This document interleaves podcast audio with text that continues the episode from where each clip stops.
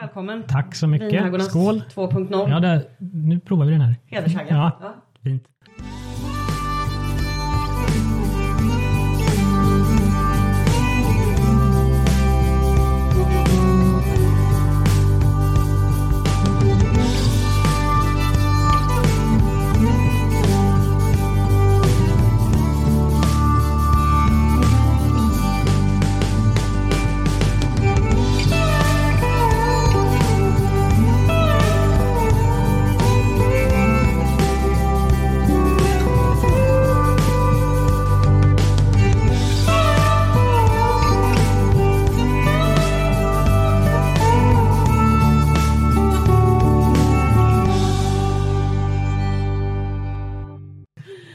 Toppen, men då ska vi se här.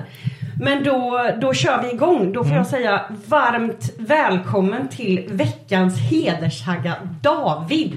Tack Hur är läget? Tack, det är bra. Det är Ja. ju fantastiskt att få vara här. Du, du är förstagångsgäst. Ja, Mm. det är ju, känns ju jättefint. Men vad härligt. Jag ska eh, presentera dig och dagens ämne lite senare. Men först så får jag ju fråga, hur har veckan varit David? Eh, den har varit kall. Det har väl varit en eh, konstant eh, kamp mot kylan kan man säga. Mm. Djupfryst in i själen. Ja, så här. Det, det hände en liten incident i måndags. Ehm, då var jag iväg och spelade innebandy med ett gäng. Eh, uppe i Uddevalla där jag bor. Mm. Och eh, på väg därifrån, då var det ju... Ja men vi har haft det svinkallt i veckan liksom. Ja, Eh, Så på vägen hem, eller på vägen därifrån, ut från omklädningsrummet så är det ju... Ja men tänk dig kombinationen kallt, mörkt, halt och brant. ja. Strålande. Ja, och så lägger du till lite gravitation i den ekvationen Mm. också. Så slutar det med att min, min arm eh, har fått massa färger som jag inte visste fanns. Aj! Ja. Åh, nej, Ehm, ja. Och det slutar inte där utan jag tänkte att det här vill jag inte låta drabba någon annan av de som är kvar där inne. Mm. Så jag tänkte jag ska gå in och varna. För att det är svinhalt i trappen här. Eh, så det gör jag. Och sen så på vägen ut igen så ska Nej. jag gå förbi den där fläcken igen och då, den är ju fortfarande lika hal. Liksom. Ja, såklart. Men du har hunnit glömma att den är där.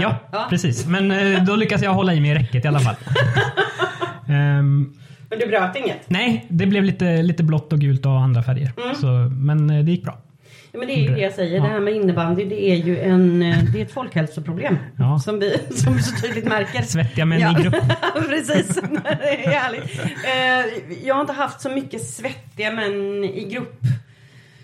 Utan jag har ju varit på, nu har jag faktiskt varit på ett äventyr Mhm. i lokaltrafiken. Är det inte ett äventyr varje gång? Det är ett äventyr varje gång men, men det här var ett helt nytt, det var en ny erfarenhet.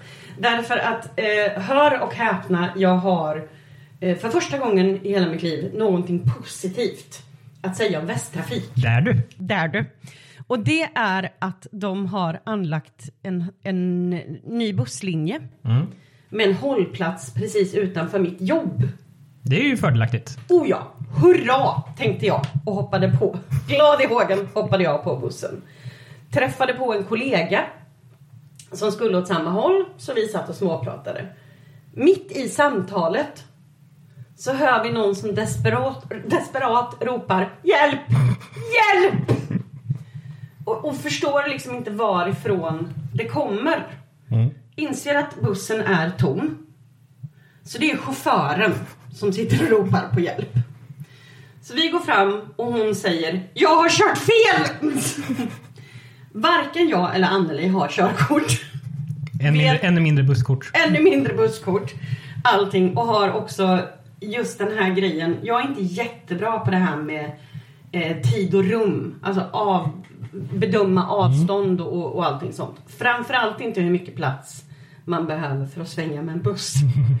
Så jag säger, det finns en liten rondell här framme. Ja. Ta bara den rondellen och sväng runt så kan jag guida dig till hur bussen ska åka. Mm. ska. Mm, fin tanke. Ja, jättebra. Eh, var den här rondellen tillräckligt stor? Absolut inte. Är det snödrivor upp en och en halv meter runt kanterna? Jajamän! Så det slutar med att den här stackars människan har bett mig, sämsta personen Ja. när det kommer till trafik, om hjälp. Och jag lyckas guida henne till att bussen kör fast Men det...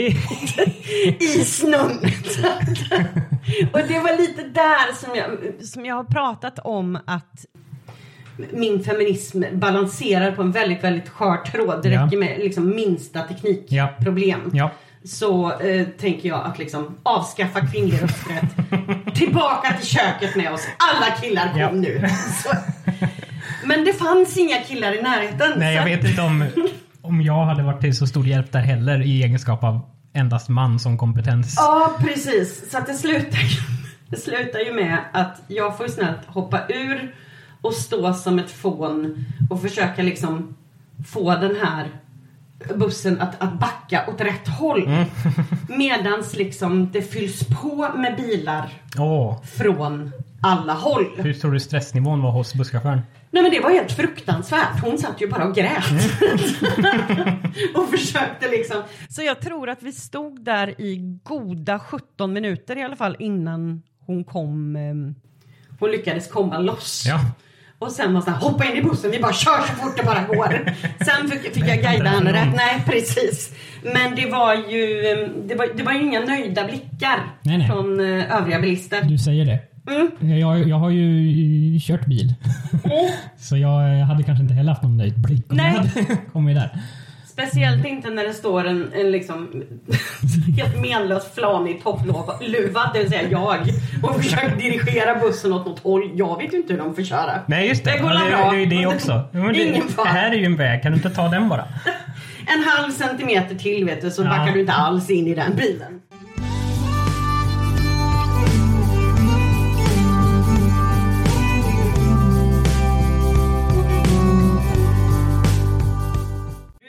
Är eh, i egenskap av eh, heterosexuell vit man Jajamän. som ska tycka till om grejer. Äntligen någon som Ja. gillar öl och hårdrock. Ja, precis. tycker om att grilla och är lite småborgerlig. Exakt, det är så gött va? Ja, precis. Eh, Hockey gillar jag också. Kan vi Ja, men, slänga ja in med. precis. Du har ju Leksand-tröja på dig. Jag kan gilla hockey, för att jag, men det är mest för att jag gillar slagsmålen. Annars Ja. så, jag, tycker, jag tycker om till exempel eh, UFC, MMA och Ja, sånt där. Det tycker ja. jag är jättekul. Ja, där, dit har jag aldrig gått. Ehm, nej men det är nästa steg. Okej. Man börjar med hockey tills Det man erkänner för sig själv att man gillar våld. och sen så när man har liksom förenats med det här, då går man vidare till MMA. Ja, Okej, ja, vi får väl se eh, Precis. när jag tar det steget. Idag ska vi ju ha ett ämne som eh, är dekonstruktion. Mm. Det här är ju ett, vad ska man säga, lite trendord inom frikyrkan. Ja, det har väl blivit det. Det har blivit det. Och dekonstruktion betyder det är en ordlek Mm. av orden bryta ner och bygga upp samtidigt. Ja. Så att många pratar om just den här biten med eh, en dekonstruktion är när man börjar ifrågasätta sin tro, börjar ifrågasätta de sakerna man har lärt sig Precis. för att på något sätt bryta ner det man känner till för att kunna bygga upp något nytt. Just det. Då har vi förstått lika. Precis. Och då är det ju vissa som väljer att lämna helt, som jag har gjort. Mm. Eh, och ett helt, eh, ganska stort gäng av de som har varit gäster i podden Mm. hittills. Men du hör ju till den här delen också som faktiskt vill bryta ner det du har lärt dig och bygga upp någonting nytt men kanske fortfarande behålla eh, gudstron. Ja, så kan man väl säga. Eller ehm, så här, jag har väl inte stängt några dörrar åt något håll egentligen. Nej. Utan eh, man kan väl säga att jag är mitt i skiten. Precis, mitt i processen. Ja. Liksom. Det är ju, men det är lite därför som jag tänkte att det kan vara ehm, li, lite kul perspektiv också att ha med det manliga perspektivet med Mm. den, den kristna uppväxten som vi kommer prata om Ja. liksom allting sånt. Ehm, men att det inte behöver alltid vara slutet för all framtida gudstro om man väljer att eh, dekonstruera, titta på det man har varit med om, bryta ner det och bygga upp någonting nytt. Nej, precis. Och det var väl, eh, det är väl lite så att det har väl varit min trygghet i det här också med att dekonstruera att det måste ju inte betyda att det är slut på Nej. allt vad man har känt till tidigare utan snarare att ja, men den här tron som jag har haft hela livet Mm. att om den inte håller för att dissekeras in i minsta detalj, Exakt.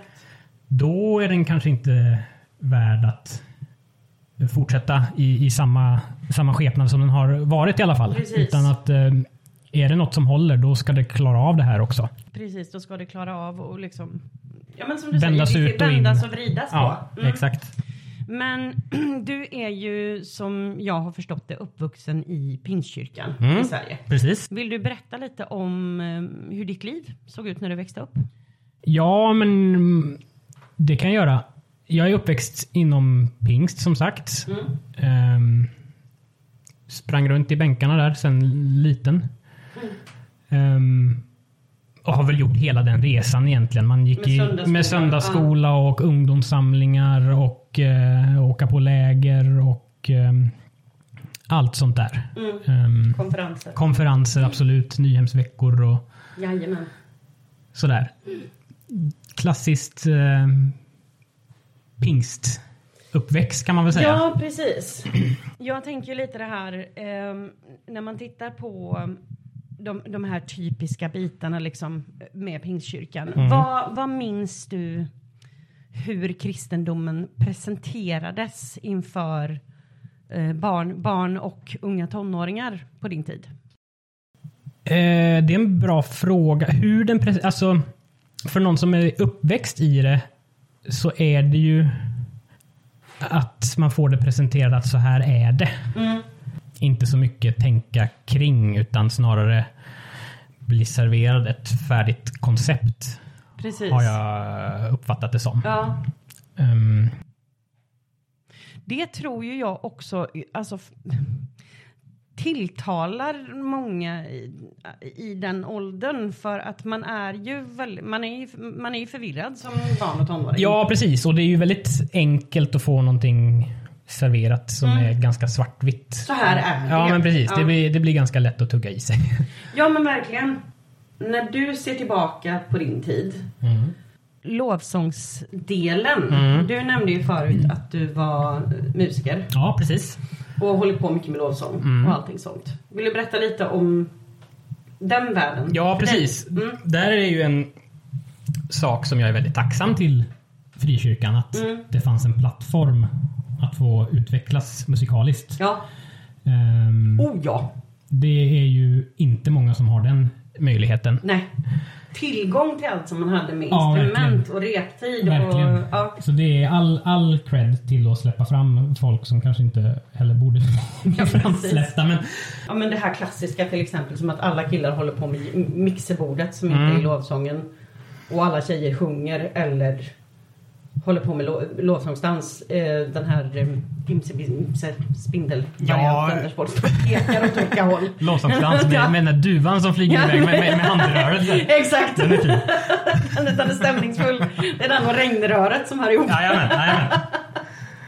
Jo, men så jag, jag fastnade i musikträsket eh, runt 13-14 kanske, Ja. sånt där. Och eh, då blir det naturliga att eh, man kör sin eh, lovsång på ungdomssamlingarna och sen eh, Jobbar man sig gradvis upp till Ja, precis. Upp, stora upp, scenen. upp i hierarkin Mm. på, på söndagarna. Och jag har ju hållit på med lovsång då ganska, ja men från eh, ja, men 14 års ålder Mm.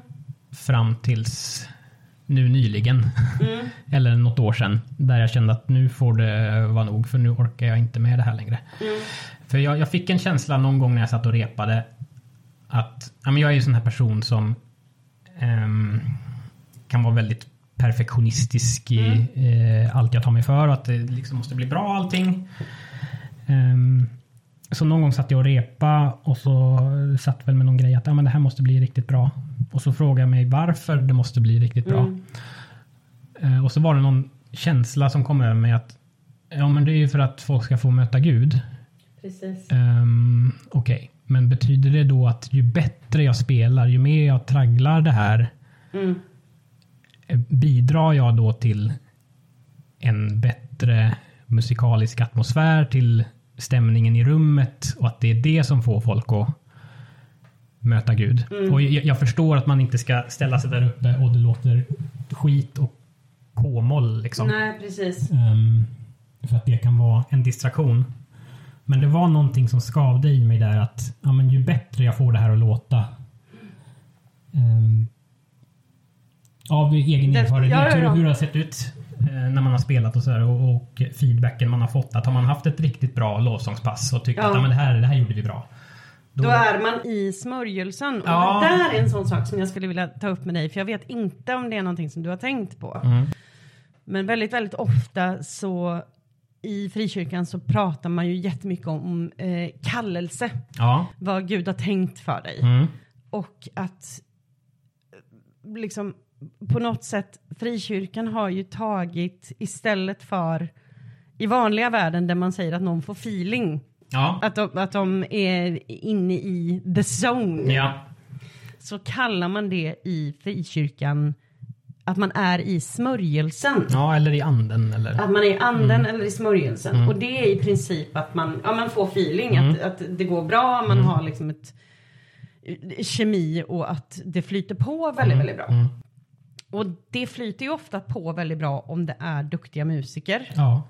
Men i och med att frikyrkan använder ju väldigt mycket, framförallt pingst, eh, musiken som en känslomanipulatör. Exakt, någonting som eldar på.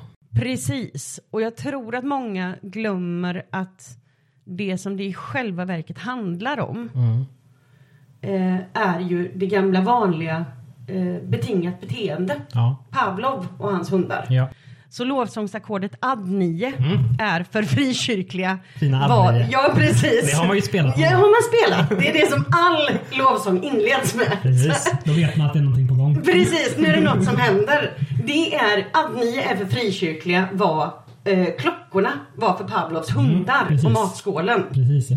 Att hör man ett ad 9 ja. som före detta frikyrklig, då kommer du fysiskt i din kropp. Mm. Även, och det här kan jag säga, det så många år har gått sedan jag lämnade. Mm. Jag är inte troende längre. Men kommer det där jävla adniet så går min kropp direkt in i, nu känner jag Guds ande. Just det. För jag är betingad Ja. till att Och det, det, var, det var väl det som slog mig där att ju bättre jag spelar det här admi-ackordet eller vad det nu må vara desto mer bidrar jag till den här atmosfären etc. etc. precis. Ehm, så kommer Gud, eller folk få möta Gud på ja, men ett ännu bättre sätt. Eller, Ju mer skalor jag övar desto snabbare kommer den heliga ande. Vilket är roligt för att det är ju väldigt, väldigt uppenbart att det liksom inte är den grejen. Men jag tror att det som är svårt att förstå för utomstående med lovsången. För att lovsång kan vi ju snabbt beskriva som att det är ju kärlekssånger till Gud. Mm. Ett helt vanligt söndagsmöte i kyrkan inleds ju med att man sjunger lovsång. Mm. Sen är det vad det nu kan vara, kollekttjosan, det är predikan, det är någon form av annonstavla om vad som händer. Ja, formen har vi inte ändrat så mycket. Nej, precis. Och sen så har man eh, lovsång igen då. Jajamän, Och kanske ett lovsångspass. Ja. Och då är ju saken att det här blir ju också ett sätt att på något sätt få väldigt, väldigt mycket utlopp för sina, sina känslor. Mm.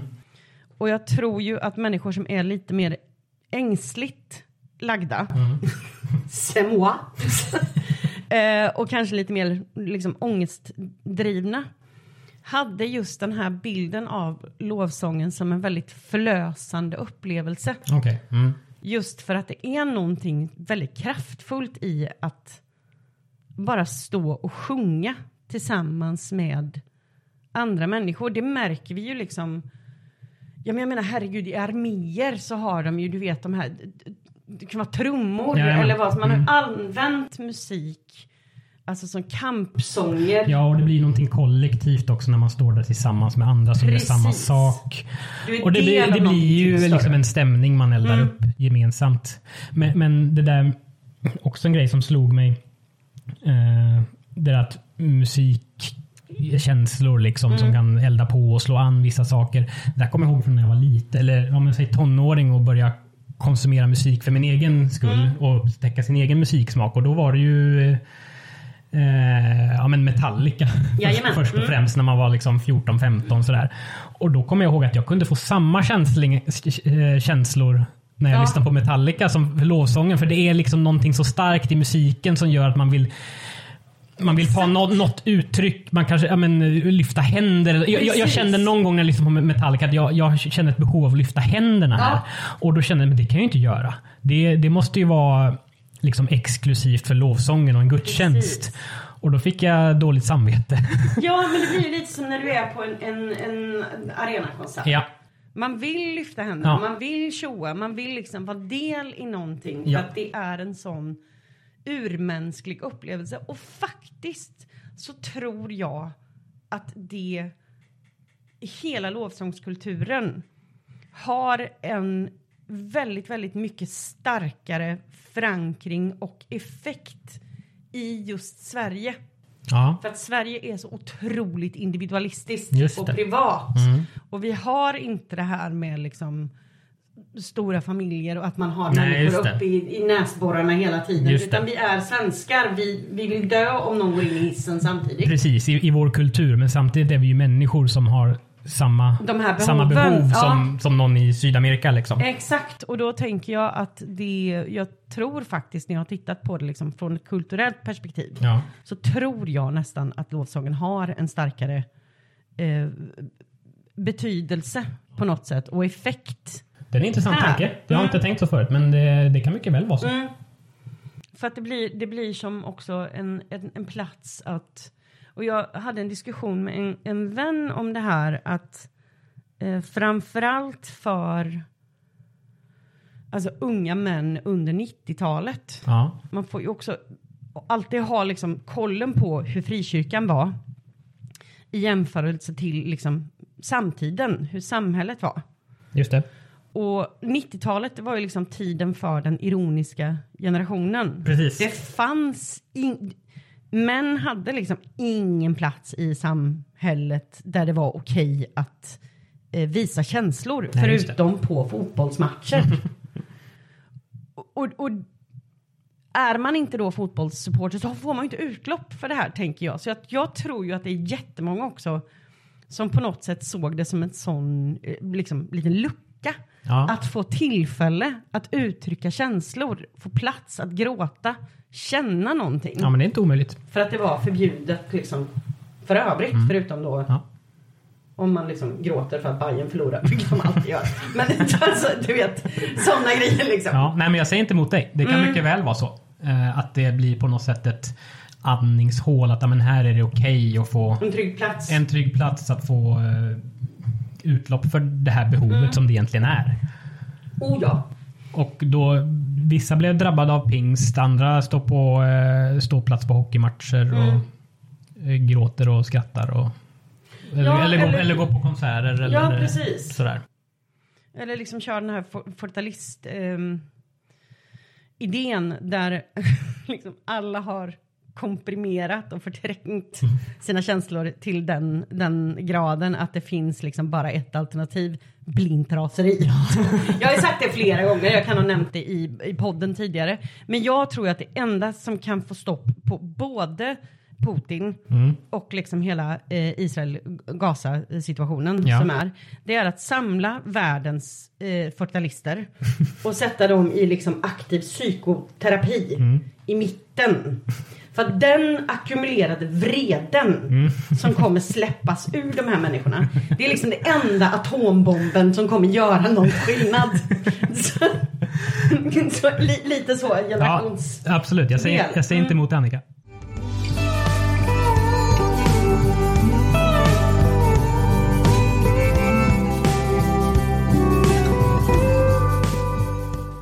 När du ser tillbaka på din tid, Mm.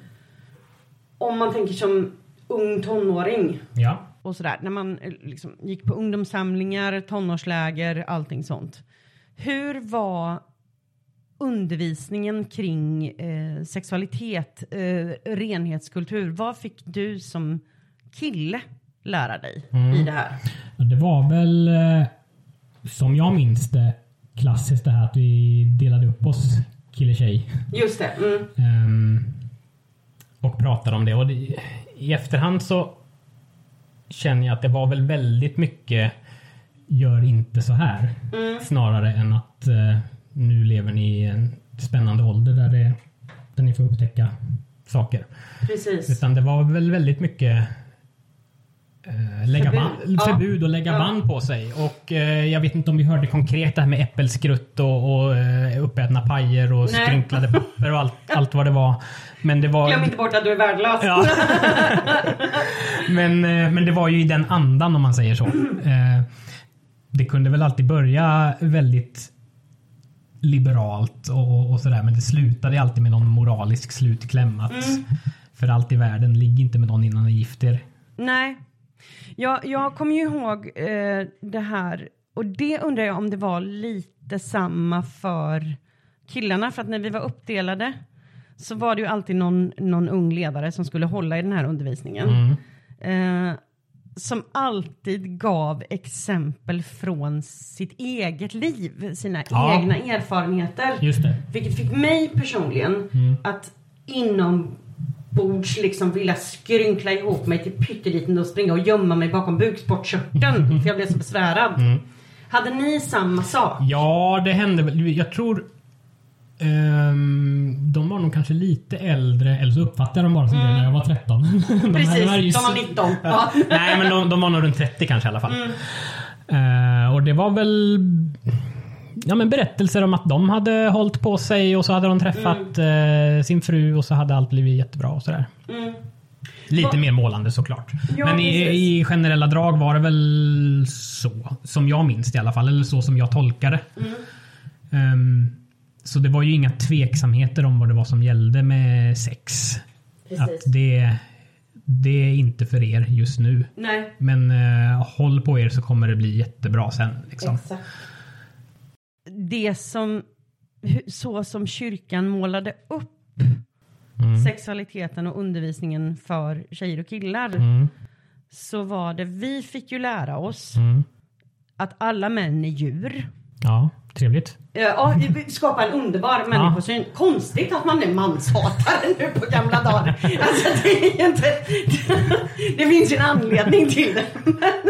Så Och mycket jag- det förklarar. Ja men precis. Och jag tänker liksom motsvarigheten då med kvinnohat. Det är ju inte jättekonstigt. Eh, just för att vi fick ju reda på liksom att vi skulle inte fresta männen. Mm, ja, det har jag förstått. Ja. Och våran, våran renhet och vårat anseende, det var ju extremt viktigt för att det var ju ingen som det var ju ingen som ville gifta sig med tugga tuggummi. Nej, just det. Mm. Toppen syn på sig själv. Mm. Och då tänker jag lite, vad fick ni liksom, fick ni lära er om det här att det liksom är fritt fram när ni väl gifter er? Var det någon som pratade med er om alltså, samtycke, samtal, partners emellan? Eller såg ni det som att ni gifter er, nu har jag följt reglerna, nu har jag rätt Nej, här? det känner jag inte igen. Nej. Eh, samtycke var väl kanske inget ord som existerade som, som begrepp på den tiden. Eh, tidigt 00-tal, Mm. pingst. Eh, men det, jag vill ändå säga att det pratades om ja, mycket respekt och, och eh, sådana saker. Att det var Mm. ingen, ingen vad ska man säga? Det fanns liksom ingenting att man kan ta sig rätt att eh, förvänta Nej. sig sex eller sådana saker. Att nu är det fritt fram. Ingen sån retorik. Utan Nej, det, det är ändå positivt. Ja, och det gentemot oss killar så vill jag inte minnas att det målades upp någon stor skillnad. Liksom att ja, men, tjejerna funkar så här på samma Mm. sätt som ni fick höra att vi var djur. Ja men precis. Eh, Mysig bild. så, så må, det målades inte upp någon stereotypisk kvinnobild. Att Nej. de är så här, så tänk på det här och det här. Och att när ni är gifta så är det fritt fram. Ja. Eh, något sånt var det inte. I alla fall har inte jag fått höra det. Nej. Ehm,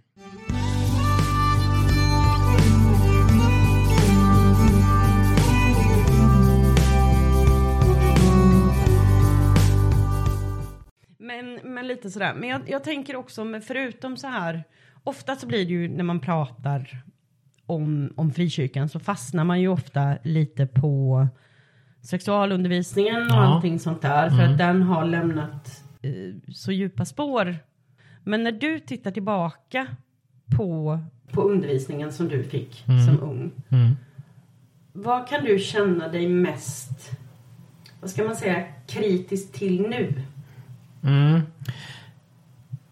Jag kan ju bli bedrövad hur man liksom pratar med ungdomar, tonåringar i en så pass känslig ålder som det är. Mm. Eh, att man lägger fram väldigt mycket. Ja, men det, det, det är en viktig ålder där man måste få prova saker, göra fel, prova igen. Eh, se efter vad man gillar för någonting. spännande Ja, det, det, det, det måste få vara spännande och man måste få ha lite feltramp och, och testa vad man gillar Mm. och inte gillar. Att då eh, sätta upp murar kring kring folk. Det tycker jag är, det är tragiskt. Mm. Ja, det är Eh, väldigt tragiskt. att, för man, man trycker in folk i någon slags mall hur man ska bete sig. Mm. Även om det är i all välmening. Exakt. Eh, och det, är mycket möjligt att eh, jag och många med mig har blivit besparade många besvikelser och bedrövelser tack vare det. Må så vara, men det har inte varit vårt eget val. Jag tänk, ja, det är där som jag tror att en del av frikyrkligheten sitter så djupt i oss på något sätt. För att man säger att jag har blivit besparad mycket. Men det, det här med besvikelser och bedrövelser, det är ju en del av upplevelsen att vara människa. Precis, det är en del sätt. av att växa upp. Det är en del av det mänskliga. Det är, det är, det är ett sätt man utvecklas på. Mm. Det är erfarenheter man tar med sig. Så kanske man inte går på en ännu större mina längre fram. Precis. Eh, Så Och det jag, gör ju att, jag tänker lite att, liksom att utvecklingen att bli en självgående människa, den stävjas ju liksom. Mm. ja. Nej, men det, det är synd hur man begränsar eh, människor i så pass känslig ålder. Mm. Och nu i vuxen ålder känner jag att ja, men man har ju en del erfarenhetsluckor. Liksom. Mm. Att man inte har provat på saker för man fick det lite bankat i huvudet att ja, men det här ska ni inte hålla på med. Mm. Ehm, och gör ni det så eh, säg förlåt. Precis. Bekänn för ja. alla också. Mm. Snarare än att uppmuntra till att testa. Ja. Och Men- få lov men- att men- göra misstag. Få lov att göra misstag. Sen så kan man prata om att man ska vara rädd om sig. Mm. Och det, man hade kunnat köra mer den approachen. Kan, Oh jag, ja. kan jag tycka. Mm. Att eh, testa på men vara rädd om er och ha en, en sån omtanke. Mm. För det hade kunnat bli bra i alla fall. För jag kan tänka väldigt, väldigt mycket att det blir ju det här svartvita tänket ehm, i pingst Mm. framförallt, men i Ja. hela frikyrkan. Där finns det ju en sån grej att de tänker att ja, men om vi inte håller oss till de här reglerna, om vi inte liksom, ni, ni försöker ju bara på, ja men du vet, driver någon agenda om att alla ska liksom ha fri sexualitet, fram med alla parafilier Ja. och liksom Även om ditt barn inte har uttryckt eh, liksom någon önskan om att byta kön så är säkert någon där och försöker tvinga den. Mm. Så, ja, men du vet allting sånt här som liksom det här demoniserandet av Ja. Eh, kritiskt tänkande Ja. som finns i pingst. Där kan väl jag känna lite att man kan, det finns ju också en gyllene medelväg Precis. att ta. Precis. Pratar du med till exempel en ung person om sexualdebut eller någonting. Mm.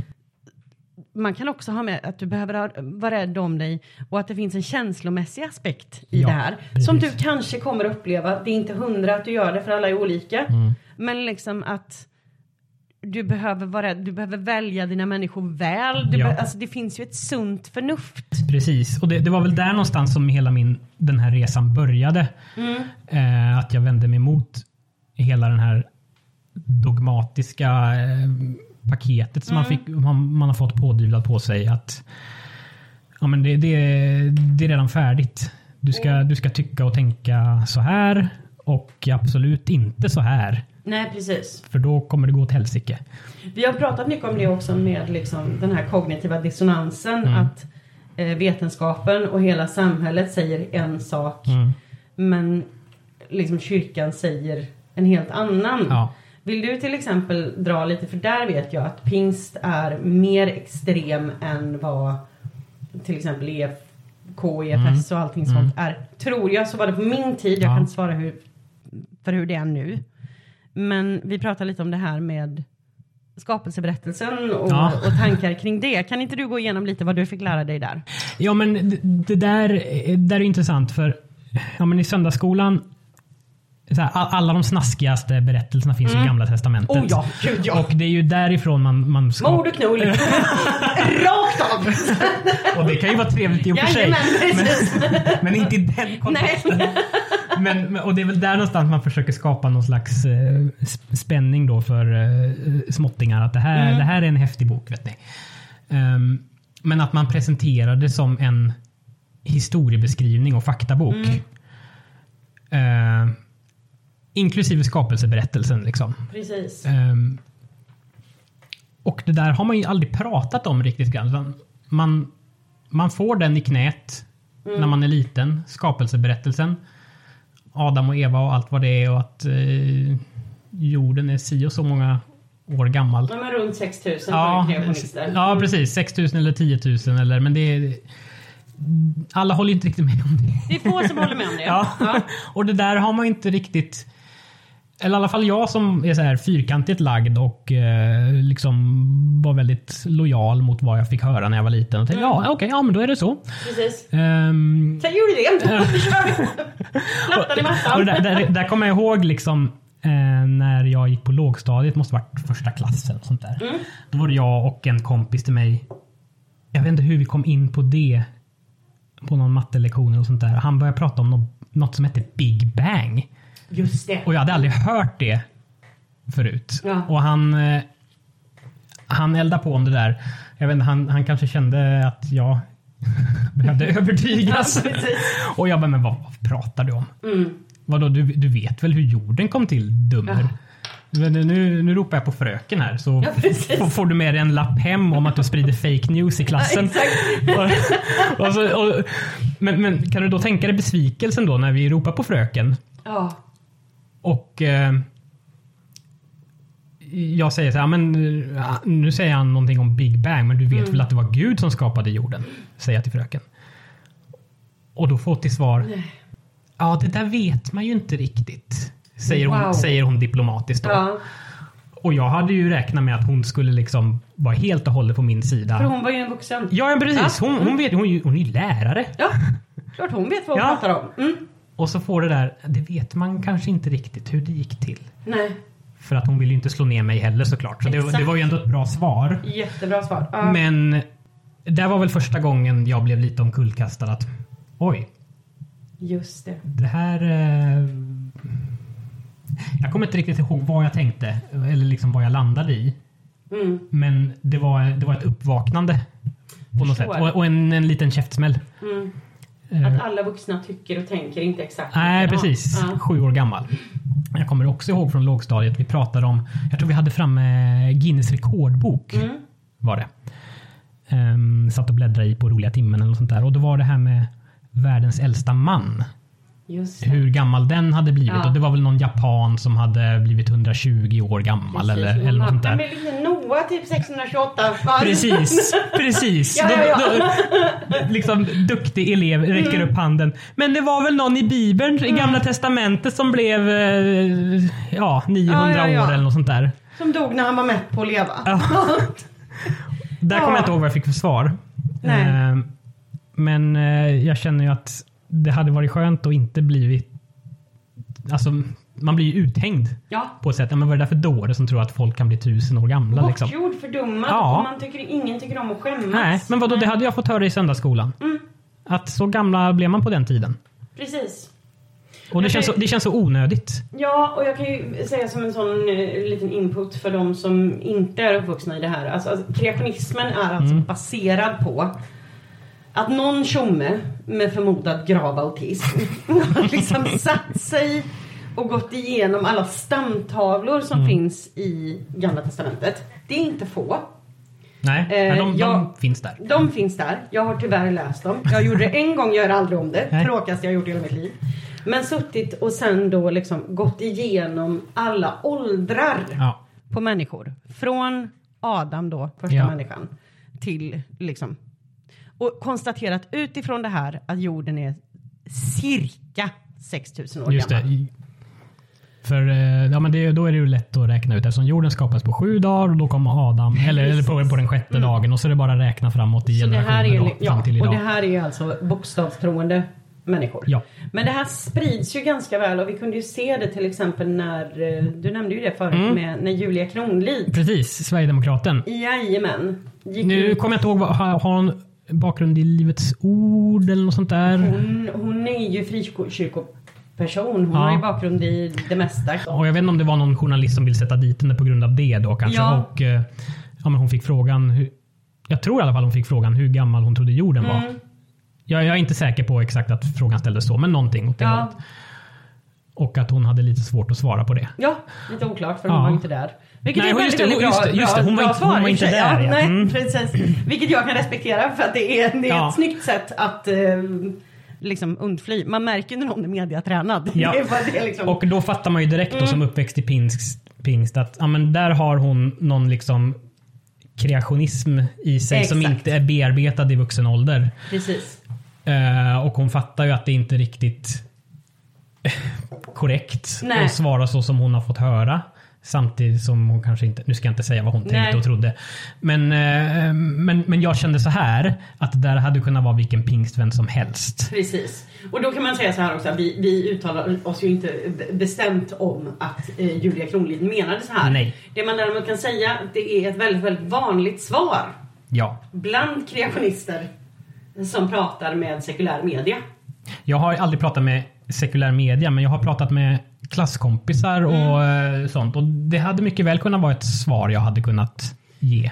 Jag har ju en av mina såna här, jag är ju en sån person som eh, får skamskyllningar Aha. i duschen. när, jag, när jag kommer på saker, alltså det är som att en, en slägga kommer Mm. i magen med information och eh, visuell, liksom som en film. Mm. På helt idiotiska saker jag har sagt i mitt liv som jag bara måste handskas med. Mm. Och då har jag ett sånt eh, kreationistminne. För jag blev frälst när jag var 12, började Mm. Ja. sjuan eh, var liksom öppen med det här och då var det en tjej som liksom var in, väldigt mycket inne på naturvetenskap Ja. som bara, men du kan ju inte tro du kan inte tro på den här skapelseberättelsen. Mm. Hur förklarar du neandertalare? Just det. Och det här var liksom, det var så roligt för jag blev så inträngd i ett hörn. Jag visste inte vad jag skulle svara så att i ren panik så pep jag ur mig. Ja men jag vet inte, det vet jag, de kanske var husdjur. och det, den här liksom lilla obildade nyfrälsta kreationisten som ska tänka till Du det. hittade något litet halmstrå som du, tro, du trodde det skulle And flyga. I Liksom. went with it. Och det är, det är, jag känner hur jag rodnar bara jag berättar om det nu. Och jag, och jag kan få sådana skamskyllningar. Men, men på något sätt liksom, jag hade, jag hade ju ingen aning om vad jag pratade om. Nej. Men jag hade fått liksom en absolut sanning presenterad för mig. Ja. Och då blir det ju så dumt när liksom människor ifrågasätter det här. Mm. Och man inte har svaren. Man Nej. har, bara, man har inte tänkt igenom det själv. Man bara rapar upp information. Mm. Ja, men man blir någon slags högtalare för, eh, eller papegoja för vad man har Exakt. fått. eh, Blivit indoktrinerad i. Ja, rent krasst är det ju så. Där är nog mitt största problem med frikyrkan. Mm. Att, och det ska vi komma in på lite nu. Mm. Ehm, för jag skulle vilja höra lite om liksom pressen, eh, om du upplevde någon press när det kom till evangelisation, att vittna för vänner, liksom Mm. din, din klass och allting sånt. För jag kommer ju ihåg att jag for ju väldigt, väldigt illa av att kyrkan utnyttjade min dåvarande sociala status med vänner eh, i vanliga världen Mm. till att försöka få mig att manipulera in dem i kyrkan. Ja. Jag kan ju se att jag har förstört många relationer Ja. eh, och liksom sargat förtroenden för att jag eh, valde att gå kyrkans ärenden. Just det. Mm. Eh, Vad är din erfarenhet av ja, min erfarenhet är att det fanns ju en eh, evangelisationshets, Mm. får man väl nästan säga. Eller hets och hets, men den var nog ändå ganska subtil. Men det låg liksom där under ytan att ja, men det är viktigt att få med er era kompisar till ungdomssamlingarna. Mm. Och, eh, Du så kan ju säga det att du du är några år yngre så du Ja. var ändå tonåring på 00-talet. Ja, precis. Jag är född 88. Precis, Så- så, du missade de röda nylonjackorna där det, det stod Jesus är svaret. Ja, den slapp Ingen jag. hade ställt frågan. Det, ja. det slapp jag. Men däremot så fanns det ju liksom sån här... Eh, Jesus is my homeboy. hade inte den klyschan. Nej men så här. ehm, det är klart att det fanns där att ja, men, det är viktigt att liksom få med era kompisar. Och Mm. Jag kommer ihåg någon undervisning, någon ungdomssamling så var, fick vi en liknelse med ehm, ja, men en, typ Titanic eller en Mm. färja som höll på att förlisa. Och att det var liksom Ja men mina kompisar de är nog inte så intresserade av att veta var livbåtarna finns. ja, just det. Mm. Att man liksom håller det för sig själv. Att det... Okej, det var kanske inte så subtilt. Nej, nej, precis. Men det är faktiskt en väldigt, väldigt allvarlig sak Ja. att lägga på axlarna till en 14-åring. Ja, jag tycker det.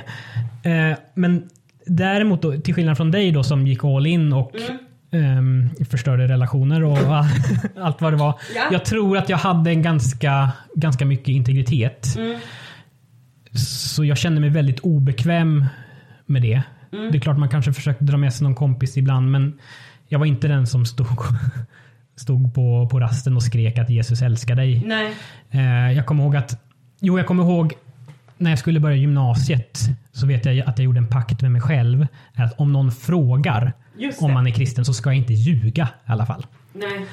Ehm, så det var väl lite där jag var. Ehm, men det resulterar ju i å andra sidan att man hade väldigt mycket skuld och skam att man inte evangeliserade. Just det. Och, och hade väldigt dåligt samvete över det. Och liksom kröp ihop lite i bänken när det pratades om sånt eh, framifrån estraden. Jag tänker lite, alltså vad gör det egentligen med en, en ung människa att gå igenom en sån här alltså indoktrinering och ett sånt här intensivt liv som det ändå är att vara en del i frikyrkan och hela tiden känna sig som att man, man inte räcker till. Eh, man är liksom inte tillräckligt kristen. Mm. Men precis som du säger, liksom från estraden när de pratar om, om frimodighet och att Ja. man hela tiden får det på sina axlar att alltså för de sa ju ofta, jag vet inte om du minns det här, om inte du går, Just det. Vem ska då Just göra det? Du är ju satt i den här klassen på den här Ja. skolan och du har liksom ett visst antal kompisar och det här är din kvot, eller vad man ska säga. Precis. Eh. Vill du att de ska gå Ja. förlorade? Det här har jag faktiskt på riktigt hört från estraden på en ungdomssamling Mm. Ja, ja. när jag kanske var 14-15.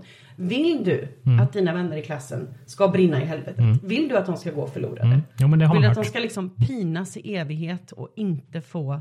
Nej, men då måste du gå. Ja, för det, det här är, du är satt där och det här, det här är dina. Det här är ditt att- att- personliga ansvar. Att det är dina att fånga in. Precis. För ingen annan kommer göra det. Nej.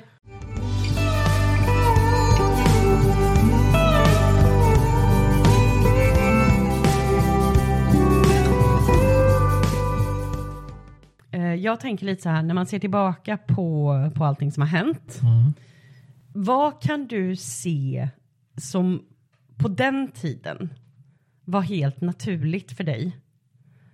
Och som nu känns som, alltså, som en komediserie, eller liksom det här bizarra att man inte kan anknyta nästan till sin egen upplevelse. Har Ja. du sådana erfarenheter? Ja, det har jag. Mm. Eh, och det var väl mycket det här man skulle skolas i att det onaturliga är naturligt. Fick man höra. Just det. Eh, ja, men be för sjuka och det var väl många liksom vittnesbörd som man fick eh, som repeterades till leda för Mm. att nej, men, titta här vad Gud gör. Eh, och så var det ju den här jag har förstått att det är en klassiker ändå. Det här med benförlängning. Mm. Ja, det där är det konstigaste i. Visst är det det? Historien. Alltså det, det är så smalt och så nischat. ja, så är så- nischat. ehm, Att eh, man, man liksom tillber en gud som Ja. inte bryr sig om liksom, eh, parasiter, Nej. krig, barnadöd, men är sjukt... Eh, liksom. Det är som att vi, vi, vi dyrkade en, en gud med svår autism som hade snöat in på ortopedi. alltså, det är liksom, för det gick ju en trend. Berätta om den. Ja, jag kommer ihåg Eh, det var väl någon ungdomssamling så hade vi någon tjomme där. Jag kommer inte ihåg hur han kom in. Ehm, som skulle komma och predika. Jag tror, jo, så här. Jag tror han skulle... Om han var på ungdomssamlingen så skulle vi ha någon samling nästa dag. Om det här var på fredagen så skulle vi- det vara någon samling på lördagen eller ja. något sånt där. Och då, Inför någon konferenshelg. Ja, det var med någon större satsning. Mm. Och jag, jag kom, jag ärligt, ärligt talat så vet jag inte om han pratade om sig själv eller någon annan som skulle komma. Mm. Eh, men han sa ja men kom och ta med era vänner och sånt där. För eh, och prata om det här med benförlängning. och att, ja, men Imorgon fo- blir det mirakler folk, kan ha, folk kan ha ont i ryggen och så det kan bero på att benen är olika långa och sådär. Och jag kommer ihåg hur han sa, ta med dem. För om det, gäll, om det gäller det, då kan vi nästan garantera att det, Wow, ja. att det blir ett mirakel. Just det, och nischa sig så smalt Ja. till benförlängning och en sån garanti. Det är ju många... Alltså hade man inte varit 14 så hade ju alla varningslampor blinkat liksom. Jag minns ju den här tiden väldigt, väldigt väl. Mm. Jag håller ju med om att det är en av de konstigaste eh, grejerna som har eh, liksom figurerat Ja. runt i. Det är det, min personliga favorit är ju nyhemspsykosen när alla trodde att eh, deras tänd- amalgam hade förvandlats Ja, men det har jag hört- har jag hört något om. det är min personliga favorit. Men, Den är bra den också. den autistiska guden med, med specialintresse på, för just ortopedi Just och lika långa ben, det, är, det kommer in som stark tvåa.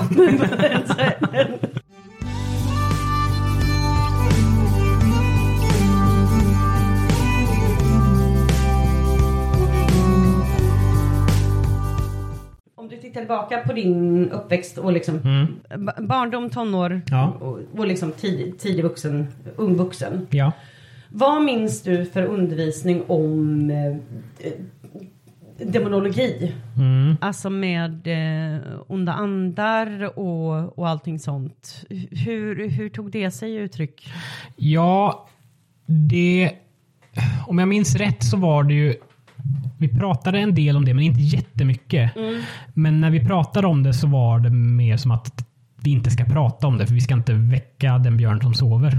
Okej. lite, lite så. Ja. Att det här är någonting man ska passa sig för. Ja men ni körde lite på Levi Petrus, eh, pingstgrundarens linje. Var det inte han som sa någonting om att ja men det finns väl men jag tror inte att man ska prata om det så mycket?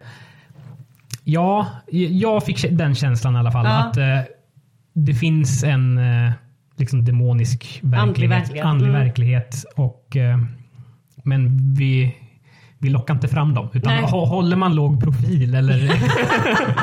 jo, jo, men det var nog min ståndpunkt. Jag, Ja. jag håller låg profil håller så, låg. så, så blir jag inte utsatt. Eh, men, men det var väl också så här att... Ryggen fri och ner med luvan. Men det var väl också så att ja, men, det kommer att komma attacker. Alltså, ju, ju frimod, mer frimodiga ni är.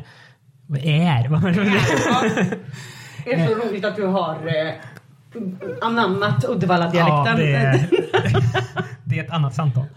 Eh, Jag ska be om ursäkt till min kära fru. Eh, hon, hon, hon sitter hemma och skrattar nu. Jag som har mobbat henne för sin dialekt i alla år och så åker jag dit själv nu. Ja, precis. Ja. Det, det, är, det är det. Och så är det Ellen. Ellen. Ja. Sluta. Sluta ja. Ja. Mm. ja. Ehm, Men i vilket fall, tillbaka Ja. till ämnet. Eh, jo, men det pratades nog om att ju mer frimodiga ni är Är. och eh, så kommer det komma attacker. Ehm, så var beredd på det. Men då står ni under Guds beskydd. Liksom. Okej, för det är ju ändå en ganska tänker jag vän... Det är ju en vänligare, mycket, mycket mildare variant Ja. än vad vi växte upp med på 90-talet.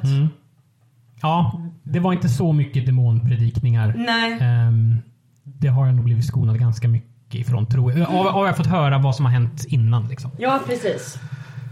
Det, det är ju positivt Ja. i alla fall. Så idag kanske det inte är någonting alls, vad vet jag. Ja, en annan fråga jag har just när det är lite så här med, gäller med ålder och allting sånt där. Men påverkades din generation eller liksom i- eran årgång något av det här med uppryckande ångest? Att Ja, Jesus ska komma tillbaka? ja. Man, Det, det gjorde det. Mm. Eh, vi kollade ju på Left behind och det hängde med så pass ja, länge alltså. absolut. Eh, och det där, kan, det där kan hänga kvar fortfarande. Oh ja, men det där kommer aldrig... Nej. Det sitter Ja. tatuerat i ryggmärgen. Absolut. Mm. Ehm, jo, men det, det fick vi absolut med oss. Uh, uppryckande ångest och jag har väl fortfarande att jag brottas med någon slags uh, helvetesskräck och Mm. eh, FOMO för efterlivet. Att, eh, ja. Och den tror jag är... Den, den biten är nog svårast att komma över av allt, ja tänker jag. det är sista hindret. Det är sista hindret, precis. Eh, och där tror jag att du är långt ifrån ensam. Mm. Ehm, men jag tänker att vid vilken punkt i ditt liv kom, kom du fram till att det började skava för mycket för att bara köra på som tidigare? Mm. Att någonting måste, something's gotta give, någonting måste ändras. Ja, men det var nog ungefär, kan det ha varit ungefär två år sedan kanske. Mm. Ehm, kanske i, samband med att jag hade det där, satt och övade lovsång. Mm. och det började gå upp för mig någonstans att ja, men det är så snävt i pingst. Det hade egentligen ingenting med tron att göra till att Mm. Nej. börja med. Utan det handlade om kulturen i pingst. Just hur det. pass snävt det är. Och det är också väldigt subtilt. Det är ingenting som eh, man liksom Är det verkligen så subtilt? Ja, men jag- jag tycker det är väldigt Nej, men jag tycker tydligt. nog det, det, Ja. det är ingen som säger ut i klartext. Nej, men- men det ligger ju mellan raderna Det ligger, det ligger mellan raderna och liksom hur man ska leva sitt liv. Mm. Och framförallt hur man inte ska leva sitt liv. Och det sägs i all välmening. Men du, du har liksom uppstolpat hela, hela vägen. Det är liksom att Hur du ska tänka, hur du ska bete dig, Ja. hur du ska vara, alltså allt. för, för att vara den perfekta pingstvännen. Jag vet att vi pratade ju lite innan vi började inspelningen. Mm. Och det hintades om en liten lista. Vad som krävs enligt dig för att vara den perfekta pingstvännen. Ja. Och då är det då steg för steg. Att du Mm. börjar med bli frälst. Ja, Döp dig. jajamän. Bli andedöpt. Drick inte alkohol. Nope. Vänta med sex till äktenskapet. Ja, Bli inte sambo utan gift dig ung och skaffa barn direkt. ja, Ge tionde och ge av din tid till församlingen. Alltså gratisarbete. ja, precis. Ja. Rösta på KD. För att eh, allt till vänster om dem är ju antikrist själv. Gud ja. Ja. Mm. Du ska vara emot abort och HBTQ. Ja, Du ska ha ett enögt och okritiskt förhållande till Israel. just det. Mm. Eh, du ska ifrågasätta vetenskap, dinosaurier och covidvaccin. du ska smygilla Trump. Just det. Ja. Lever monarkin. Mm. Skit i att källsortera för Jesus kommer ju snart. Du, det där är en klassiker. Ja. Ja, Eh, du ska tro att mannen står över kvinnan men du skulle aldrig våga erkänna det. exakt. 100 procent. Ja. Och så gör du allt detta samtidigt som du bär det där påklistrade självgoda pingstleendet så att alla runt dig ska förstå vilket ljus och salt du är istället för den falska och inskränkta rövhatt du faktiskt är. Och glöm inte att prenumerera på Världen idag. Gud Just välsigne det, dig. Gud välsigne dig. Det var otroligt. Vi tar en skål på det. Det. David. Det, var, det var en fantastisk eh, lista. Jag skriver under på, på allt.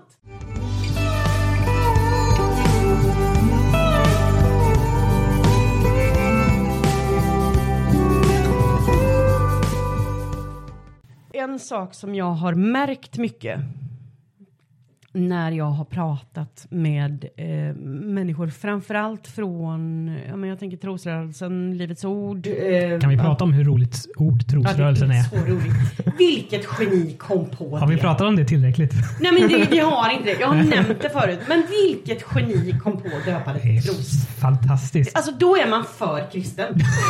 Man, då är man för kristen. Man har varit för mycket man, på Nyhemsveckan. Ja, man har varit för mycket. På ny, om man, då, det här är en person som tänker att trosor heter underbyxor. Just det, just Och det. inte liksom har ett annat namn för Just det. det.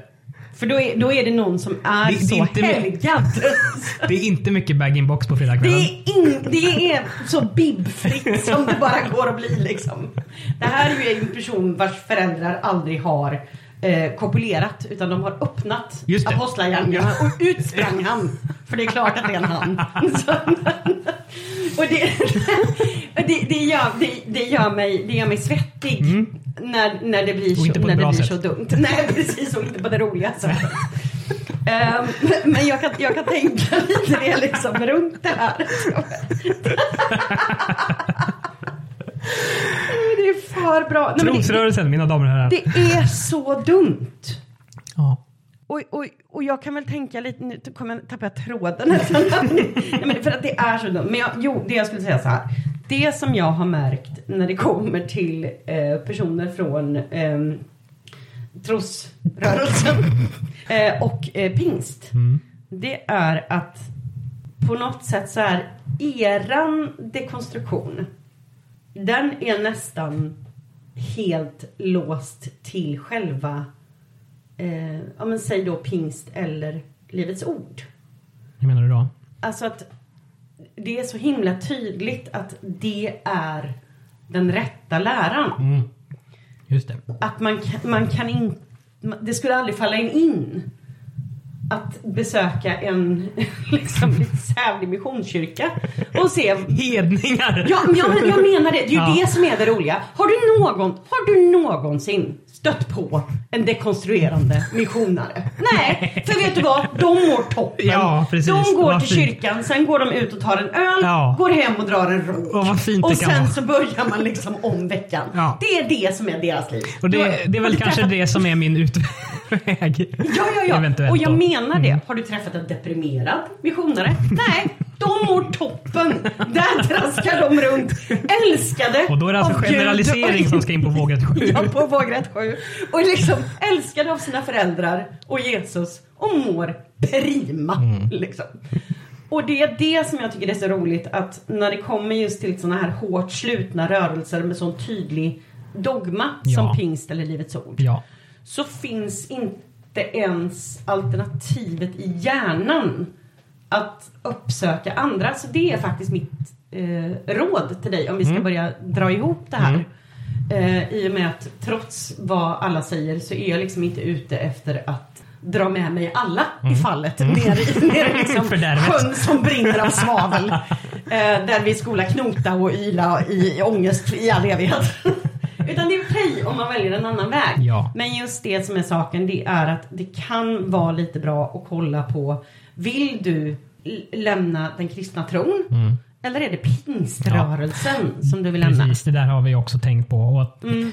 Det som satte, satte igång allt, det var ju pingst. Att, Ja. ja, men där känner jag mig ja, men ganska klar. Liksom. Mm. Men sen ja, kan det finnas något annat sammanhang som är lite mer sansade. Ja. Och eh, så här, ja, jag har provat någon gång att gå till Svenska kyrkan och sådär. Mm. Men jag vet inte, det kanske är det där pingstiga ryggsäcken som tynger att man har svårt för det här högkyrkliga och eh, man ska stå upp och sitta ner och man inte fattar någonting och man ska läsa till efter någon Precis. bön och, det, och eh, prästen sjunger hellre än bra och eh, allt sånt där. Och då tänker jag att om man testar på och, och kanske besöka lite olika församlingar när man känner sig redo för det så kan det ju också vara så att man hittar ett ställe som kanske känns toppen. Ja, Men de kanske inte har de bästa musikerna i kvarteret för att Just de det. spelar hellre än bra. just det. Men då finns ju... Host, host, Missionskyrkan. Då har man ju sin, sin fina skivsamling hemma som man kan damma av då. Och då kan man också engagera sig om man känner för det. Ja. Och ta över lovsången och förstöra allting enligt pingstdogman. Du vet, du har så många val i Ja. livet att göra. Det, det, det, det finns inga gränser för vad du kan hitta på. Så- Nej men det, så- det är väl en sån tanke som jag har haft. För jag menar, om, om vi nu ska vända och vrida på allting i eh, den här eh, dekonstruktionen. Men då, eh, då ska man öppna alla slags dörrar Ja. och, eh, och se vad som finns där. Och då ingår ju såklart att kika in i andra samfund och se om de kanske kan vara lite mer sansade och eh, någonting som passar en bättre. Ja, precis. Eh, för, för rent krasst, jag har, jag har inte lämnat min tro. Nej. Det har jag inte gjort. Det har inte gått så långt. Men ehm, ja, vi får se. Var, Och jag vill, landar. säga, jag vill avsluta med att säga samma till dig som jag brukar säga till alla som är i dekonstruktion Mm. och ehm, därmed är panikslagna. För att det, det medföljer. Mm. Eh, det, är helt, det är helt normalt, det kommer hänga med i många år. Ja. Ehm, att hur rädd du än blir, Mm. om man då ska utgå ifrån att Bibeln är Guds ofelbara ord, Ja. 100% sant så har det blivit utlovat att människosonen ska inte komma tillbaka förrän alla stammar och alla folk har nåtts av det glada budskapet. Ja, just det. Så när du kommer hem ikväll så googlar du och det dina Norra Sentinell. Sätter er in i allt som händer. För det här är det enda, jag skojar inte, det här är det enda botemedlet mot liksom ängsliga dekonstruerare. Nej, jag orkar inte. Så länge Norra Sentinell håller sina stadgar, för det ska jag berätta för dig, de mördar varenda person Ja, som närmar sig. just det. Inga konstigheter. Det har alltså blivit, eh, Indien har alltså gjort det olagligt att ens närma sig Norra Sentinell. Men givetvis så ska liksom pingstvän... Världens smalaste reseguide. Exakt. Men de, det är alltid någon sån tossig missionär som ska dit Ja, ja, ja. och Just det, kleta just ner liksom... Jag tar den för laget här. Ja, förkylnings... eh, För de förstår ju inte heller det att de har ju ett helt annat immunförsvar. Ja. Så att skulle de komma dit och liksom träffa någon så skulle de ju förmodligen eh, döda hela stammen Ja, ja. I, Mm. i sjukdomar. Men det, det där är liksom en, en väldigt viktig sak att tänka på. Att oavsett vad som händer, det sista hållfästet i världen är Norra Sentinell. Får hålla fast vid den Så bollen. länge de håller så har du ingenting att oroa dig för. Om vi utgår ifrån att Bibeln är Guds ofelbara ord och helt sann. Just det. Mm. Ja, det är fint. Ska vi ta en skål på det? Det tycker jag. Då behöver jag vin i glaset först. Ja, det ska du få. Han, han har druckit sig torrt här vet du. Ja, men det är bra. Ja, det, det krävs en dag som, Som- denna. Men eh, jag får säga ett eh, otroligt varmt tack till dig David för att du ville komma och, och gästa och för förtroendet. Det är jag som tackar Annika. Eh, det var väldigt roligt att ha dig här och jag hoppas att du vill komma tillbaka i framtiden och hålla oss lite uppdaterade. Det kan finnas risk för det. Ja, det låter underbart. Ja. Men då får jag säga tack David för att du var här. Tack till alla som lyssnar. Och tusen tack till alla Patreons. Ni är guld värda. Eh, förutom det så återstår det väl bara ett eh, ha det gött hej. Ha det gott, hej!